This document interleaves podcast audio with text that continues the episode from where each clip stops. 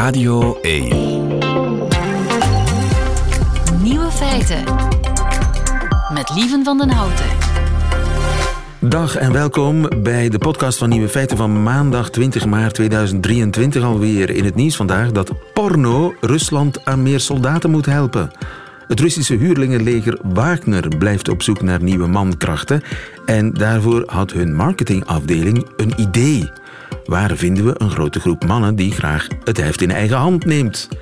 Op de grootste porno-website ter wereld natuurlijk. De Russische websitebezoekers kregen voor hun pornofilmpje een advertentie te zien waarin werd opgeroepen om zich aan te sluiten bij Wagner.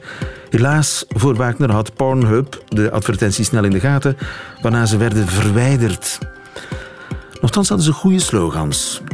Bijvoorbeeld: Stop met masturberen en meld je aan. Of ook nog, en ik verzin dit niet, neem een andere geweerloop in de hand. Russische humor. De andere nieuwe feiten vandaag. De BBB van Caroline van der Plas wint nog een zetel meer dan gedacht in de Senaat en dat doet de machtsverhoudingen daar kantelen. Zimbabwe heeft geen graan meer nodig uit Rusland of Oekraïne. Republikeinen hebben de wind in de zeilen in Engeland. En afscheidnemend weerman Frank de Bozere droeg vroeger een snor. De nieuwe feiten van Nico Dijkshoorn die hoort u in zijn middagjournaal. Veel plezier. Nieuwe feiten. Radio 1. Is dit de volgende premier van Nederland? Mevrouw van der Plas, gefeliciteerd. Het is officieel. Platteland zit in Den Haag. Yes! Maak gewoon een appgroep aan. 150 Kamerleden. En als het nodig is, dan wil ik de groep wel aanmaken. Ik ben best goed op social media. Ja, wij steunen de aanvraag voor het eh, debat en wel zo snel mogelijk. Want hoe langer we hier uh, dit gaan uitstellen, hoe groter de kans er is dat de heer Rutte weer geen actieve herinneringen eraan heeft. Wat hier ter discussie wordt gesteld, is dat de mensen in Groningen inmiddels gewoon jarenlang aan het wachten zijn op een behoorlijke schadevergoeding, maar ook op erkenning en waardering. Als dit op de Zuidas was gebeurd of op de Prinsengracht, dan hadden we Giro 555. Dan hadden we benefietconcerten. Dan was de hashtag Pray for Amsterdam was, uh, al trending geweest. En hier wordt maar getraineerd en getraineerd. Ja, Caroline van der Plas. Allemaal uh, fragmenten uit de Tweede Kamer van de voorbije tijd. De tractordiva wordt ze genoemd. Uh, in Nederland zijn alle politieke partijen nog aan het naheigen van de klap die ze hen heeft uitgedeeld vorige week. Uh, de BBB haalt nog een zetel meer in de Senaat dan eerst was gedacht. 17 zetels. Jeroen Drijgaard, goedemiddag. Dag lieve, goedemiddag. Inderdaad. Jeroen van VRT Nieuws, je hebt de BBB de voorbije maanden gevolgd. En die ene zetel meer in de Senaat, dat betekent wat, hè? Ja, dat betekent meer dan uh, 17 in plaats van 16, want zoals je weet, ja, de regering Rutte heeft momenteel geen meerderheid in de Senaat. Had die al niet, maar staan er nu nog veel verder vandaan. Zoals het resultaat lag na de verkiezingen, eh, leek het erop als ze op zoek gingen naar een meerderheid dat ze de keuze zouden hebben. Uh, met twee even grote fracties. Ofwel uh, rechtsom met de Boer-Burgerbeweging van Caroline van der Plas, ofwel linksom met de gezamenlijke fractie GroenLinks en uh, P van de A, de Sociaaldemocraten in Nederland. Nu ja, is die regering nog een zetel kleiner geworden en betekent dus dat ze er eigenlijk niet geraken met die uh, linkerfractie om uh, aan een meerderheid te raken. Bovendien is ook de meest linkse partij uh, in die coalitie, D66, een zetel verloren. het is hun zetel die naar de BBB gaat. Dus dat maakt eigenlijk ja, Caroline van der Plas en haar BBB nog wel een stuk machtiger dan ze al waren. Ja, want in de Tweede Kamer het eigenlijke, waar de, de eigenlijke plek waar het wetgevende werk gebeurt, daar heeft de regering uiteraard nog een meerderheid. Daar heeft ze nog een meerderheid, ja, maar, maar de meeste wetten moeten naar uh, de Eerste Kamer. Naar de dus. Eerste Kamer, waar ze getoetst worden. Ja. En dus ze moeten nu naar de BBB. Uh, bij de meeste wel, ja. Of je kan natuurlijk een, een zootje andere partijen bijeen gaan zoeken. Hè. In die Eerste Kamer zal er ook weer een totale versplintering zitten. In de, in de Tweede Kamer zitten er twintig partijen. Zoveel gaan er niet in de Eerste Kamer raken, maar het zal niet veel schelen. Ja. Dus je zit daar met heel wat kleine partijen. Dus als je het een beetje ja, werkbaar wil houden, ja, dan is de BBB natuurlijk de meest logische partner. Dat is de grootste partij en dus de grootste oppositiepartij. Dat betekent dat ze eigenlijk instant uh, macht heeft. Absoluut, ja. Nu, je hebt haar gevolgd, ook op verkiezingsdag, mm -hmm. maar ook maanden daarvoor heb je die partij bestudeerd. Is er nog die verkiezingsdag, dan heb je echt in haar kielzog mogen mm -hmm. meelopen. Hoe was dat? Uh, het was fascinerend, uh, omdat dat je duidelijk zag dat zij um, wel verwacht hadden dat ze het goed gingen doen. Hè. Die peilingen waren goed en werden alsmaar beter, maar dat resultaat had niemand verwacht.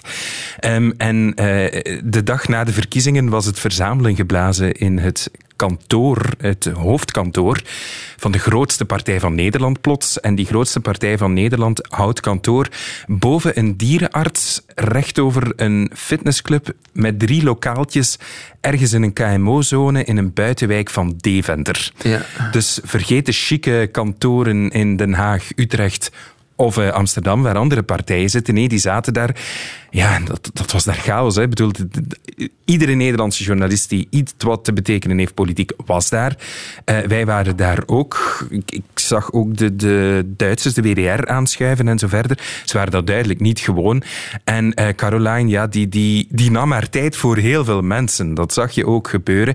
Ik zeg ook Caroline, want iedereen zegt ook Caroline. Ook iedere journalist in Nederland. Er is eigenlijk bijna niemand die mevrouw van der Plas zegt. Ook dat is heel opvallend. Haar Twitter-account heet Lientje 1967. Ja, ja dus haar, haar geboortedatum dus en een afkorting. Nu, Lientje, zover gaat de Nederlandse pers niet. Maar uh, ja, ik, ik blijf het wel houden op mevrouw van der Plas in interviews. Maar daar is dat gewoon Caroline. Iedereen zegt Caroline, Caroline, Caroline. En uh, dus, zij is de, ja, de, de, de girl next door eigenlijk. Ja, ze draagt ook girl next door. Uh, alleen mevrouw next door. Ze is intussen een vijftiger, ja. maar goed. Ze draagt hele gewone kleren. Ze draagt heel gewone kleren. haar zwarte jas is, is, is ja stilaan wel een, een, een wat het symbool van haar geworden.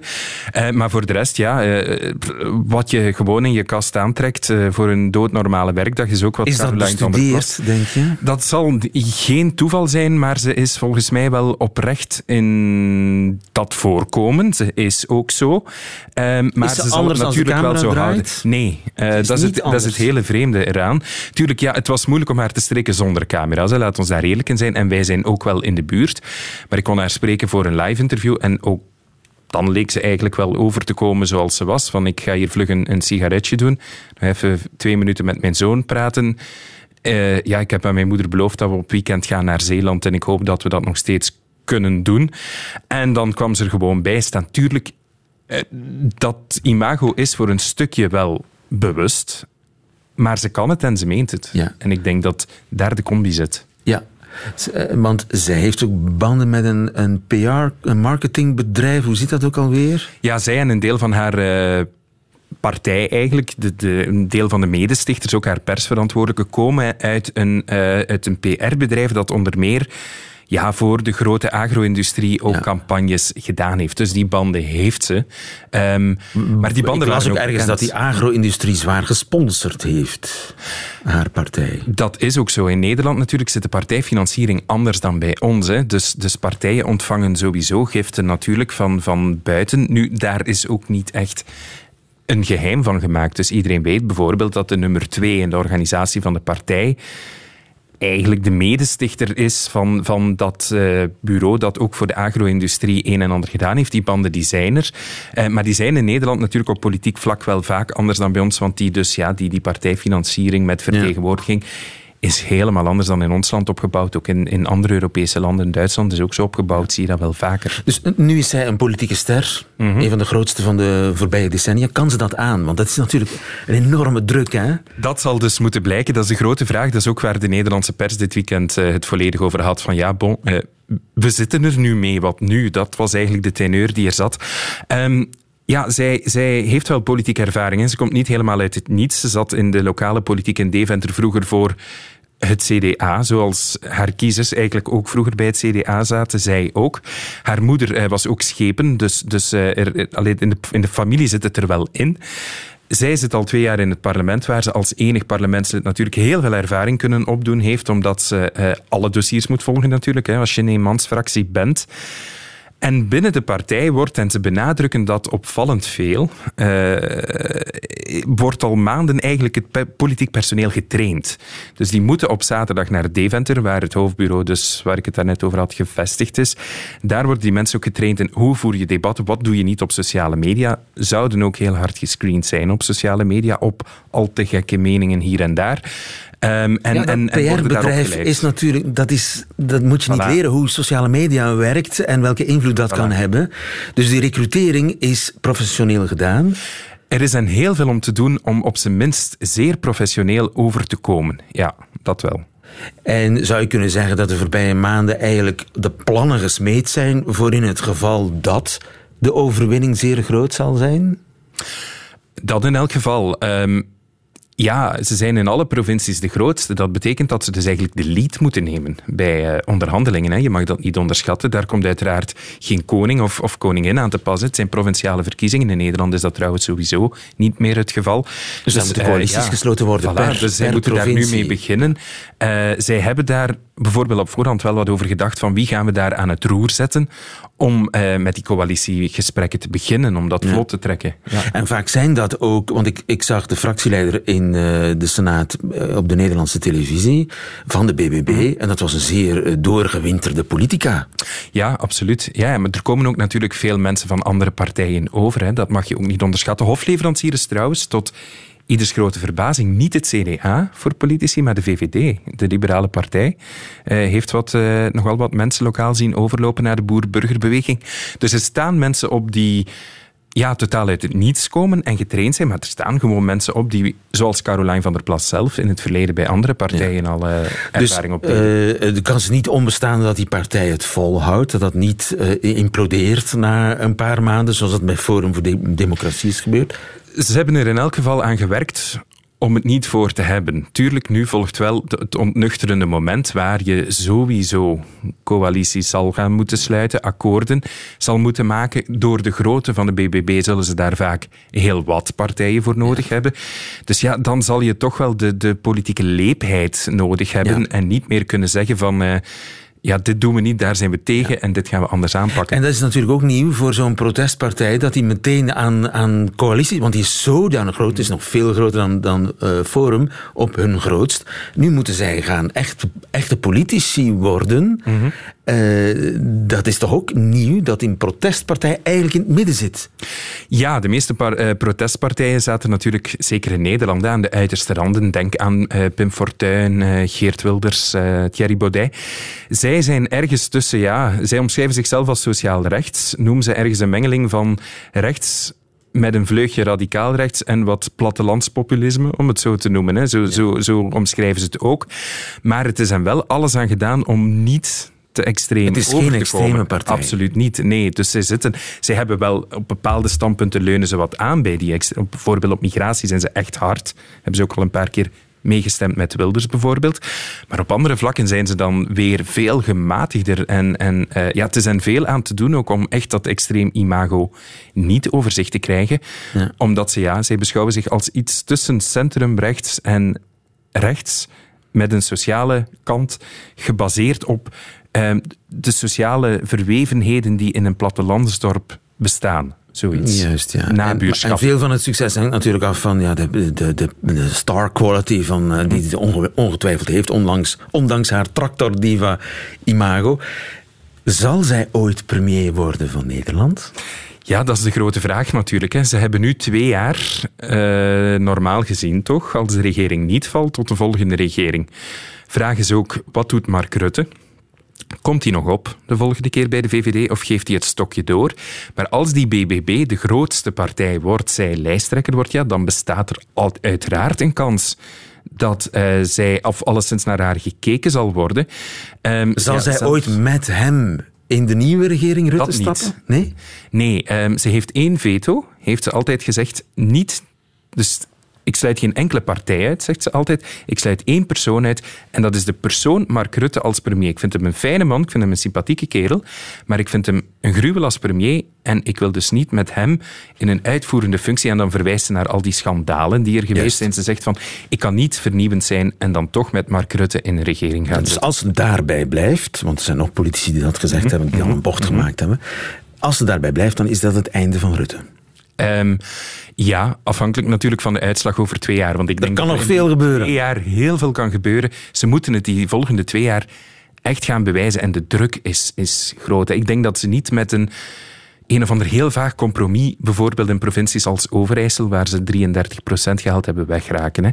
En ja, als, als dat allemaal wel het geval is, dan kan die partij wel degelijk afkalven. In de Nederlandse politiek kan er heel veel gebeuren op twee jaar tijd.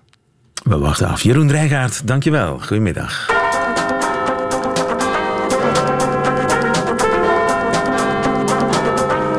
London Calling.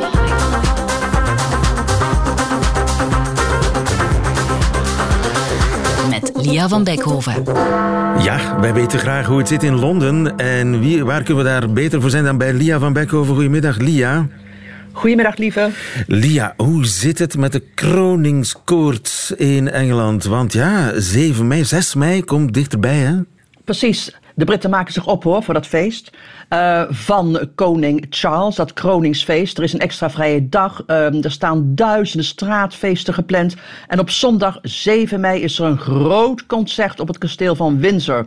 Ehm, maar lieve, één ding. Ik wil van jou heel graag dit weten.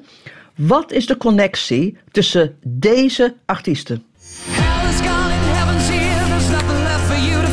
Is Robbie Williams, hè?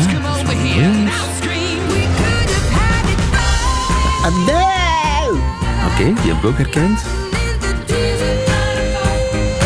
Club isn't the best place to find the lovers, so the bar Ed is Sheeran. where I go. Zelfs ik weet het. Dat is toch dinges, hè? Harry Styles, tuurlijk. Robbie Williams, Adele, Ed Sheeran en Harry Styles, het zijn allemaal Britse topartiesten. Heel goed, maar niet alleen dat. Het zijn niet alleen eh, Britse topartiesten, maar ze zijn allemaal gevraagd om op te treden voor de koning bij zijn kroning. prachtig en ze hebben toch? allemaal geweigerd. Hè? Ze hebben allemaal geweigerd. Er werd zelfs ehm, een moment gedacht dat de Spice Girls voor deze gelegenheid een comeback zouden maken. Maar nee hoor. En nu weet ik wel, lieve, dat je je nog geen zorgen maakt, omdat je denkt dat in ieder geval deze man gaat komen. It's a little bit funny. This feeling Tuurlijk. Elton John. Geen koninklijk feestje zonder Elton John, toch? Precies. Elton John, hofminstreel van de Windsors. De man die zong op de begrafenis van Diana. eh, de man die bevriend is met prins Harry. De man die vorig jaar optrad voor de Queen. Die bovenaan de lijst stond van koning Charles. Ook hij zei nee. Nee. Maar waarom? Allemaal artiesten die geschiedenis kunnen schrijven. Die willen, iedereen wil daar toch bij zijn. Herinner je je dit moment nog? I had uh, three conversations with my grandmother and two conversations with my father um, before he stopped taking my calls. Why do you stop taking your calls? Because I took matters in, by that point, I took matters into my own hands. Ja, hij, eh, Prins Harry bij Oprah eh, Winfrey, hè, die vertelt over de ruzie met zijn vader, waarom het niet botert met zijn vader. Beruchte interview. Precies, en er kwam nog veel meer. Er kwamen veel, er kwamen documentaire series, er kwamen boeken waarin Harry de vuile koninklijke was buiten hing. En dit heb je vast ook nog ergens in je geheugen. The front pages are dominated by Prince Andrew this morning. It follows the news he has reached an out of court settlement in the civil sex case brought against him by Virginia Giuffre. She claimed the Duke abused her in 2001, claims he has always denied. Ja, inderdaad. Zijn broer Andrew, hè, de broer van Charles, die eh, heeft een schikking betaald eh, met Virginia Giuffre, de vrouw die hem van misbruik beticht toen ze 17 was. Ja, ja. En dat, eerlijk gezegd, kortom, is de reden waarom popsterren liever niet meer optreden voor de Royals. Kijk, Buckingham Palace is, is echt behangen met schandalen. Dat was het natuurlijk al, hè, toen de Queen nog leefde. Maar zij leek daar toch boven te staan. Ze stond eigenlijk overal boven. En ze had bovendien een bepaalde status, een bepaalde symboliek. En die heeft haar zoon Charles niet. Dus al die schandalen komen nu op eh, zijn schouders terecht. Houden de onderdanen nog wel van hun koning? Nou, ook dat is alles al een, een jaar of wat geleden. Kijk, sinds de Queen overleed in september wordt Charles overal waar hij gaat of staat gevolgd door een kleine groep antimonarchisten. En ook dat is nieuw. Not my king! Not my king! Not my king! Not my king, niet de mis te verstaande boodschap. Charles is not my king. Is dat meer, zijn dat meer dan een paar kwibussen? Of is dat een echt een, een beweging? Nou, er is een flinke meerderheid voor het behoud van de monarchie. Maar tegelijkertijd kun je er niet omheen. Charles is minder populair dan zijn moeder. En zoals dat gaat bij een troonswisseling, hè, is, de, is de idee, de notie van een republiek nu weer bespreekbaar. En dat betekent dat de anti-monarchiebeweging Republic erin slaagt om elke dag in het nieuws te komen met uh, protestacties als Charles weer een of ander bezoek aflegt. They followed the king to recent engagements and they say they're getting ready for their biggest protest yet on the day of the coronation.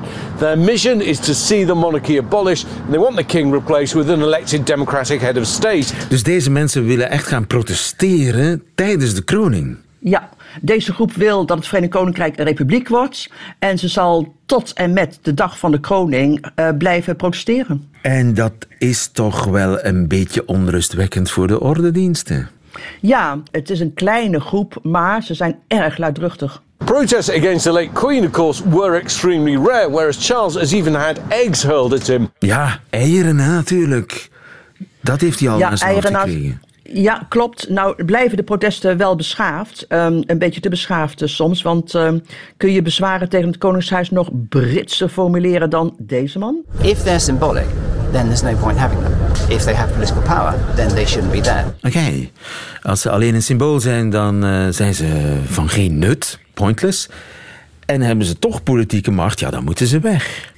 En die Republikeinen hebben trouwens een hele interessant filmpje naar boven gehaald. Niemand minder dan voormalig premier Liz Truss heeft zich tijdens haar studententijd als Republikein geuit. Dit is een quote uit 1994. I'm not against any of them personally. I'm against the idea that people, people can be born to rule. That people, because of the family they're born into, should be able to be the head of state of our country. I think that's disgraceful. Disgraceful? Woorden van Liz Truss aan het adres van het, van het Koninklijk Huis van de monarchie. Liz Truss, die toch ja, uiteindelijk de laatste premier van de Queen werd. Ja. Maar ze is van haar eerste bocht niet gestorven. Maar goed, dat concert, wordt dat nog wat? Nou, kijk, de lijst uh, is natuurlijk lang. Um, het is niet trouwens helemaal zeker of Rod Stewart gevraagd is. Die zou er wel op staan. Achter Paul McCartney zou nog een vraagteken staan. Aan Stevie Wonder en Brian May is gedacht, laat het paleis weten. Maar deze man komt in ieder geval.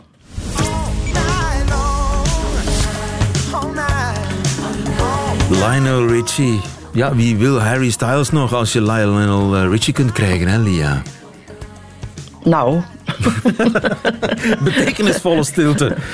Nou, precies, dat is een punt van discussie, lieve. Het is nog af te wachten of dat feestje echt wel een groot feest wordt, of er gaat geprotesteerd worden en of de grote Britse sterren wel zullen aanwezig zijn. Heel veel hebben nee gezegd. Lia van Beckhoven, hou ons op de hoogte. Dankjewel en tot volgende keer. Graag gedaan.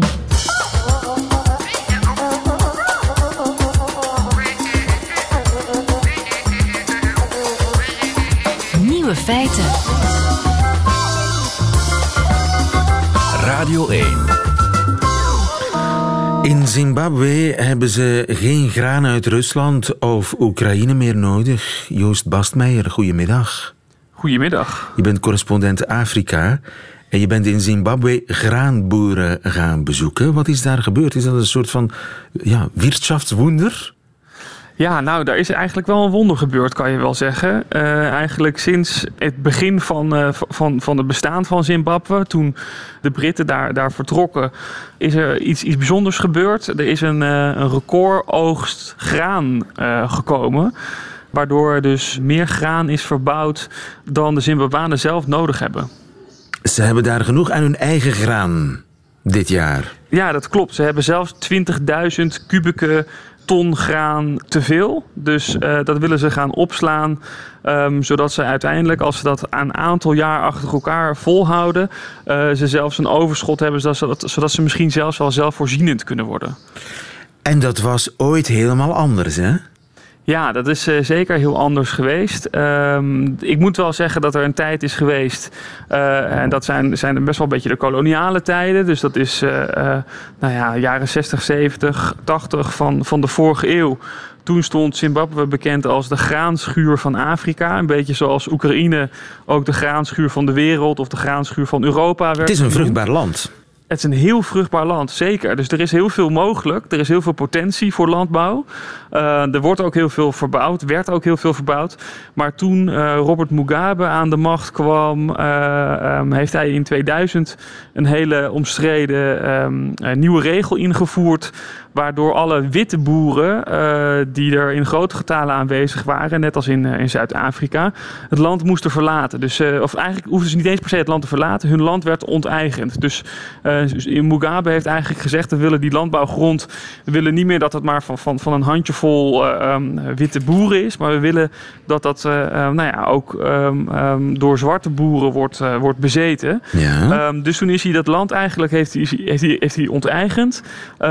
die die witte boeren die zijn toen in grote getalen vertrokken. En de zwarte boeren die het toen hebben overgenomen, hadden heel vaak de kennis helemaal niet of de apparatuur niet um, om dat land goed te verbouwen. Dus uiteindelijk had je wel heel veel zwarte landeigenaren, maar heel weinig zwarte boeren. Waardoor het land eigenlijk heel erg snel is, is verpieterd in, in, in grote getalen. En Ja. toen moest uh, Zimbabwe invoeren, graan invoeren. Ja, zeker. Ja. Dus, dus je ziet wel aan de andere kant, de, de kolonisator uh, Engeland, die heeft er natuurlijk een tijd gezeten, uh, dat, dat veel mensen helemaal in de grote steden steeds meer brood zijn gaan eten.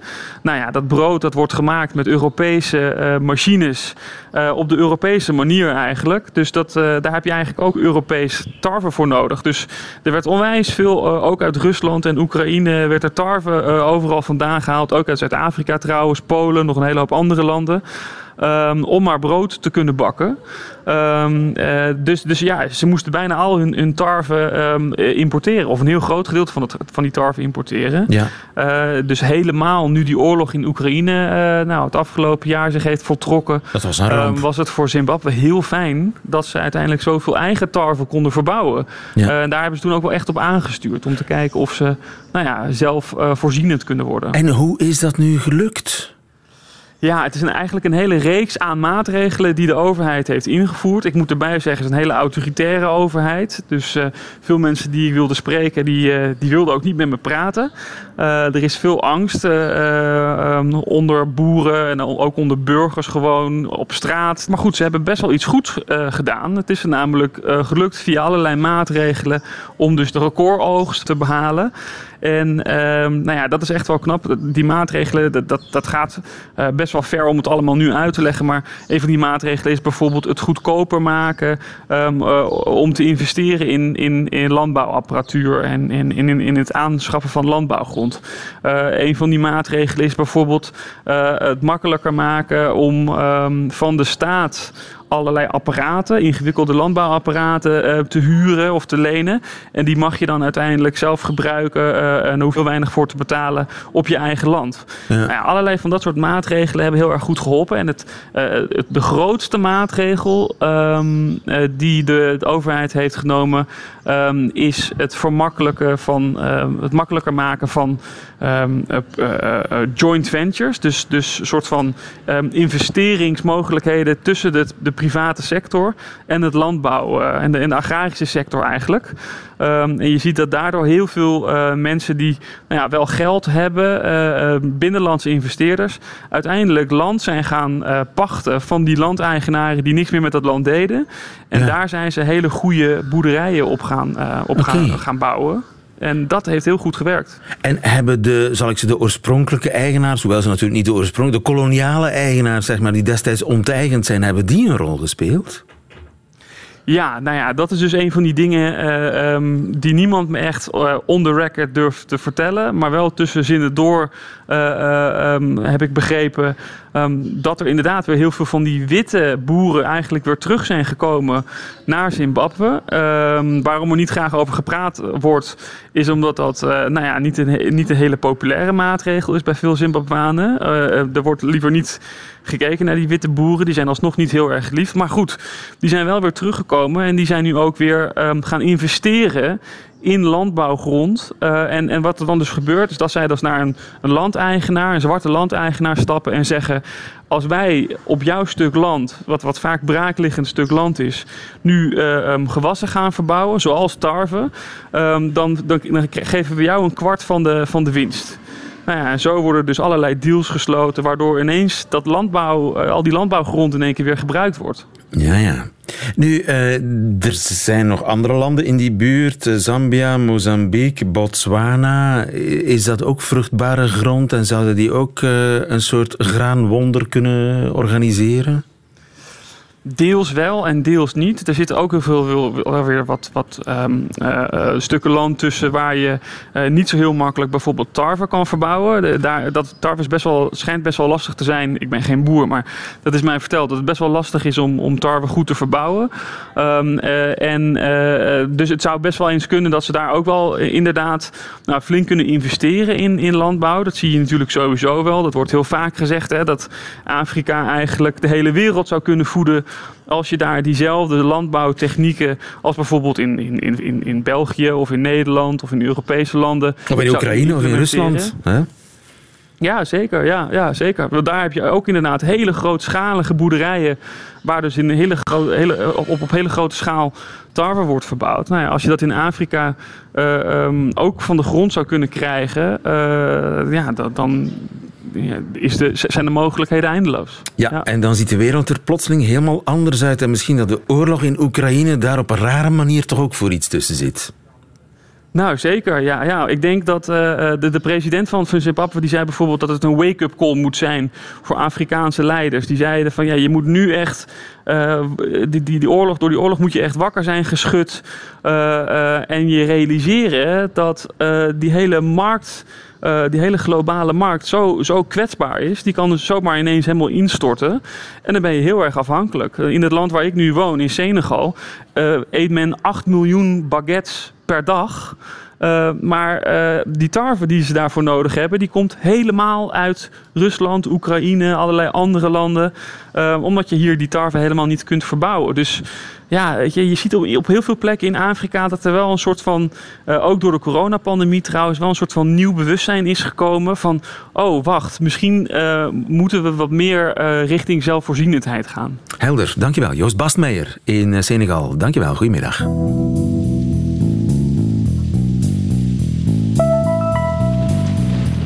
Er is eigenlijk maar één nieuw feit vandaag. Frank de Bozere zegt vanavond voor het laatst welk weer we morgen krijgen. Na een carrière van 36 jaar, waarvan de eerste 12 overigens met snor. En toen hij die afschoor, zong Patrick Rigel op vraag van Radio 1 dit liedje. Weerman zonder snor. Weerman zonder snor. Frank, de bozere is blank. Als een bliksem zonder storm, een zonder wol, weerman zonder snor. Het regent maanden aan een stuk, oude wijven uit zijn lucht. Frank moet telkens weer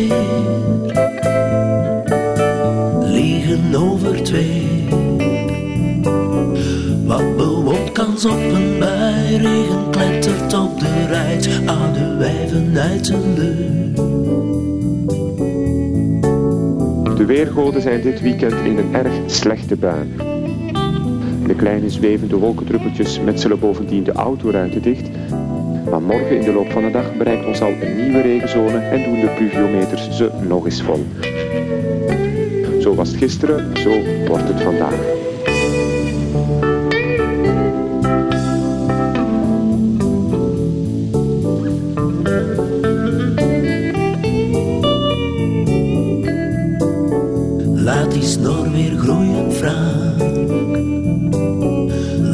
snor weer groeien wraak. Waarschijnlijk zal het dan niet meer regenen vraag. De bovenlip ontbloot is regen in de goot. Laat die snor weer groeien wraak.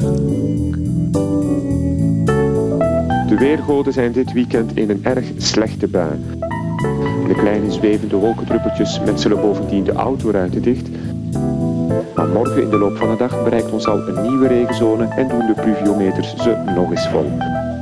Zo was het gisteren, zo wordt het vandaag.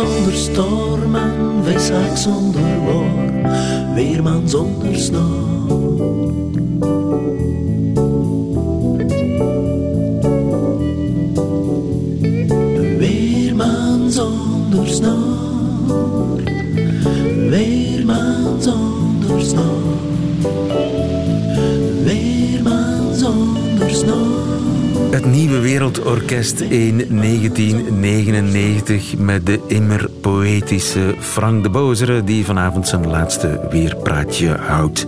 En dat was het belangrijkste nieuwe feit van vandaag, 20 maart 2023. De nieuwe feiten van Nico Dijkshoorn die krijgt u nu in zijn middagjournaal.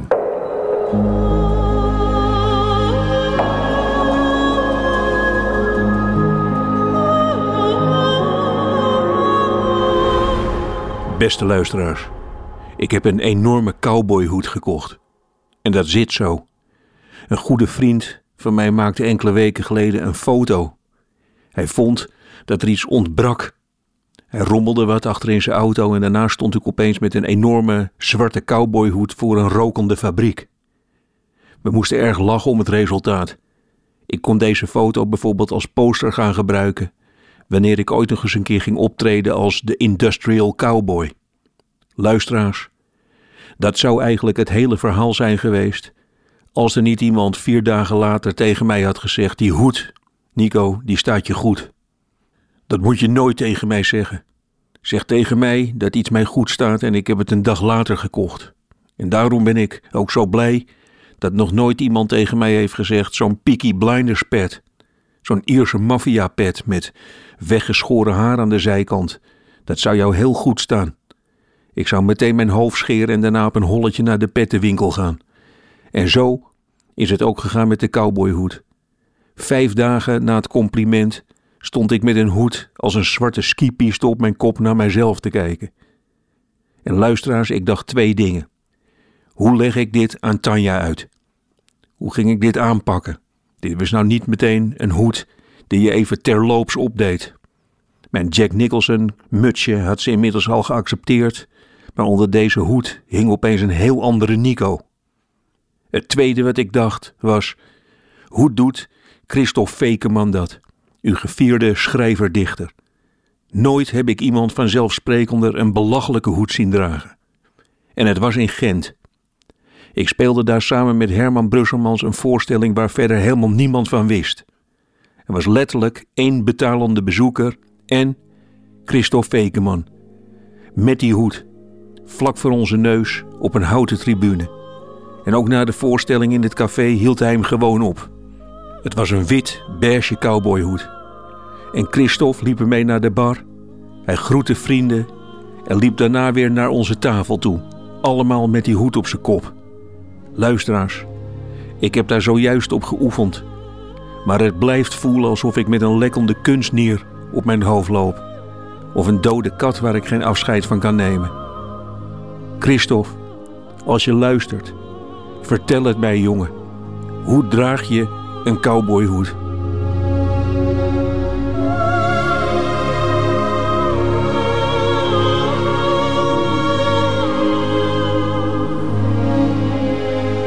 Het is een genade, Nico. Het is een genade waar alleen eh, Christophe Vekeman het geheim van kent. Einde van deze podcast. Hoort u liever de volledige nieuwe feiten met de muziek erbij? Dat kan natuurlijk elke werkdag tussen 12 en 1 op Radio 1 of on demand via de Radio 1 app of website. Tot een volgende keer.